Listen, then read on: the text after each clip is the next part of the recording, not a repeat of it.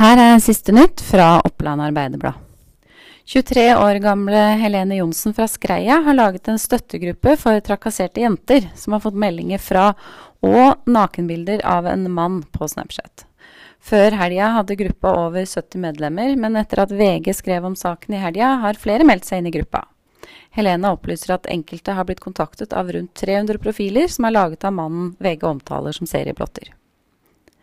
Mange mener mye om hvordan Bryggeveien 7-9 i Gjøvik bør utvikles.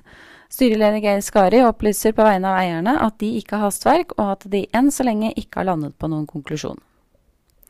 Tre boligeiere i Gjøvik har fått brev om å ikke kaste hageavfall og nedfallsfrukt inn mot skog- og friluftsområdet. Kommunen opplyser at det skal ha blitt observert økende antall rotter i nabolaget som følge av dette. Boligeierne blir påminnet at uh, forsøpling kan bli anmeldt til politiet. En uh, far fra Gran som slo til en Fagernes-far under en fotballkamp i idrettsparken på Gran i fjor, må betale 8000 kroner til statskassa. Mannen har akseptert bota. Og det er glatt uh, flere steder i, Innlandet nå på morgenen. Tre biler har vært involvert i en kollisjon på fv. 244 i Kolbu. Ingen personer skal være skadet, melder politiet.